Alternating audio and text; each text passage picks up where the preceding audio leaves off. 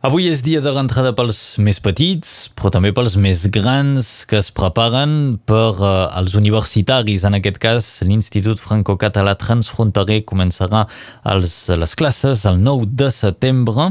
En parlem amb el director de l'IFCT a la Bailac Ferrer. Bon dia. Bon dia.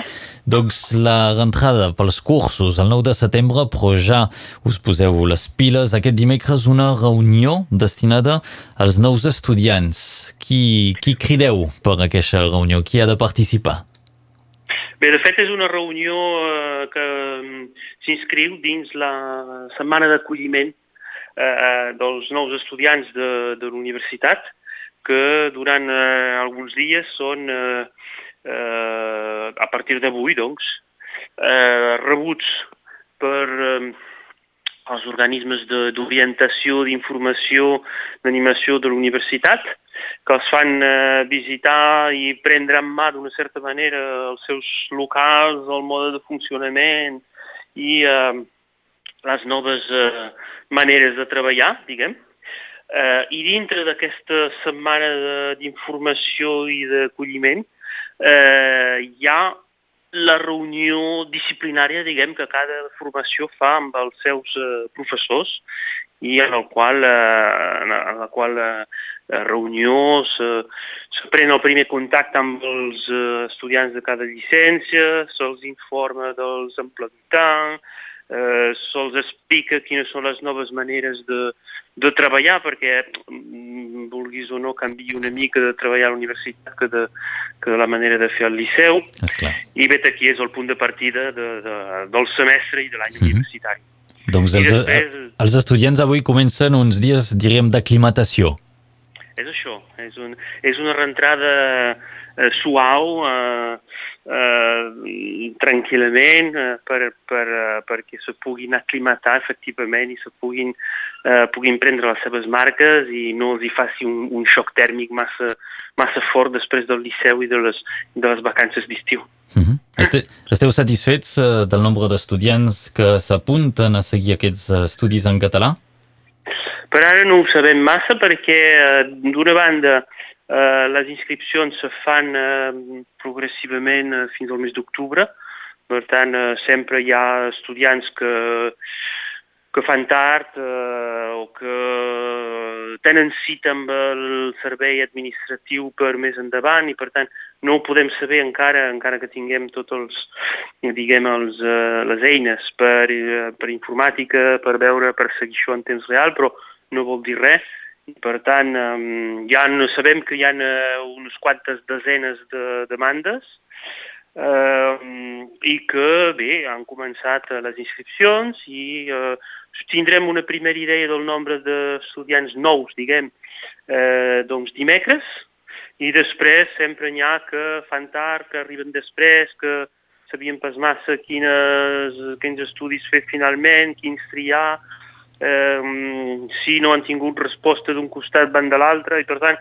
fins cap al final de setembre eh, encara els efectius no són estabilitzats. El que sí que podem dir eh, és que en català generalment tenim efectius relativament eh, moderats, raonables, és a dir, que no tenim, eh, no tenim saturació de la formació, i per tant eh, benvinguts siguin els que venen a estudiar català.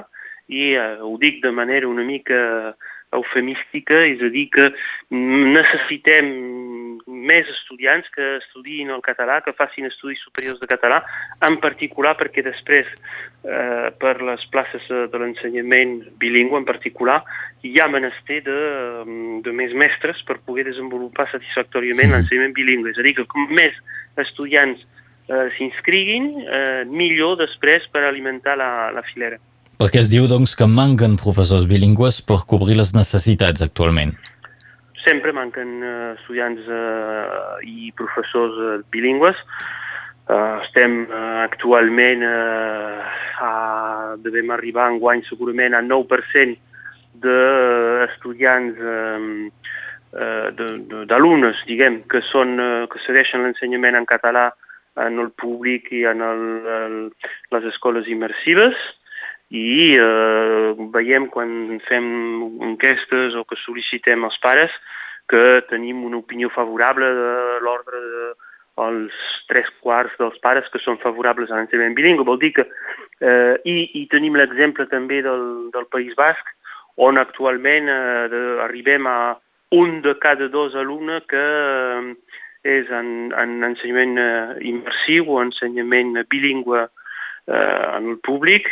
Per tant, nosaltres encara estem pas a 10%, és a dir, que tenim molt de marge per créixer i això vol dir que hi ha menester de molts eh, mestres bilingües eh, vet aquí. Per tant, mm. és una mica un cercle viciós perquè eh, si no hi ha prou estudiants eh, la tendència és eh, el Ministeri a posar poques places perquè hi ha pocs estudiants, però si hi ha poques places això és un senyal per dir Ep, no cal anar a estudiar català perquè hi ha poques places, és a dir, eh, cal, cal arribar a, a trencar aquesta dinàmica una mica no gaire positiva.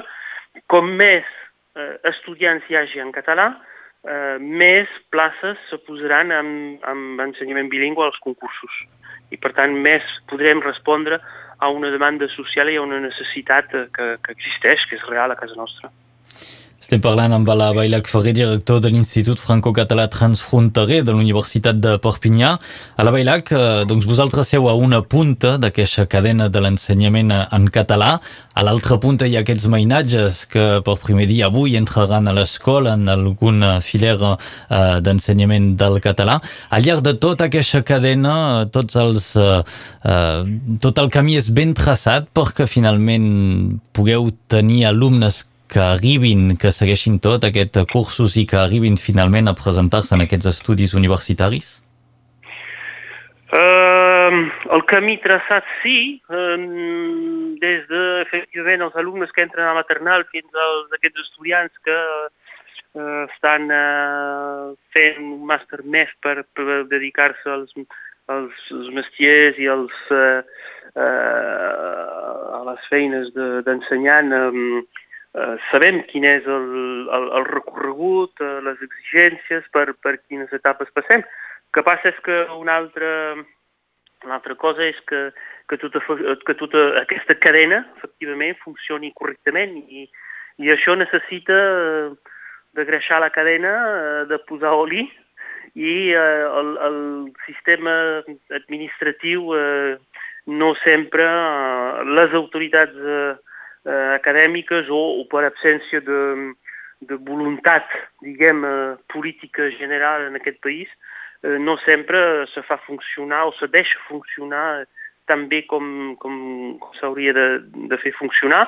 I notem eh, a diferents nivells de la cadena de l'ensenyament, des de maternal eh, fins a, fins a l'universitat, uns, uns entrebancs, uns, uns, uns, eh, uns elements que mostren que, no, que, que les coses no van bé. Vull dir, des de segons quins llocs eh, on te diuen que no hi ha prou eh, places de, pels alumnes que volen fer bilingüe i on sortegen qui són els alumnes eh, que podran entrar en una classe bilingüe. Això no, sí. no, evidentment no és, no és gens normal.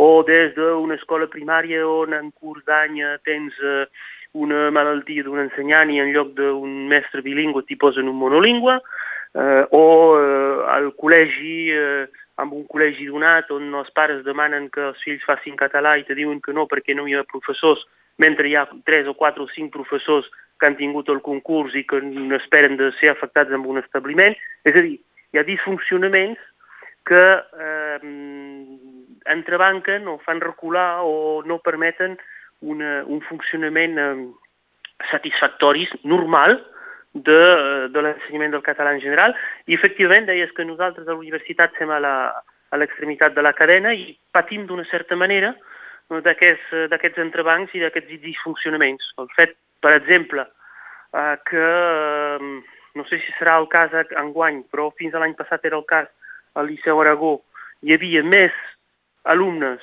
eh, que demanaven de fer català deien que places possibles i per tant que limitaven a eh, una vintena el nombre d'alumnes que podien fer català, mm, és, és, és, uh, és absurd, és, és, no és normal, és, és, és, vull dir, no, no pots al Liceu limitar el nombre d'alumnes que volen fer català. I, per tant, més enllà d'aquesta normalitat, resultat per l'universitat, home, si en lloc de 40 alumnes que han fet català en un liceu n'hi ha 20, bé, els alumnes que després tenir la possibilitat d'estudiar el català a l'universitat són la meitat.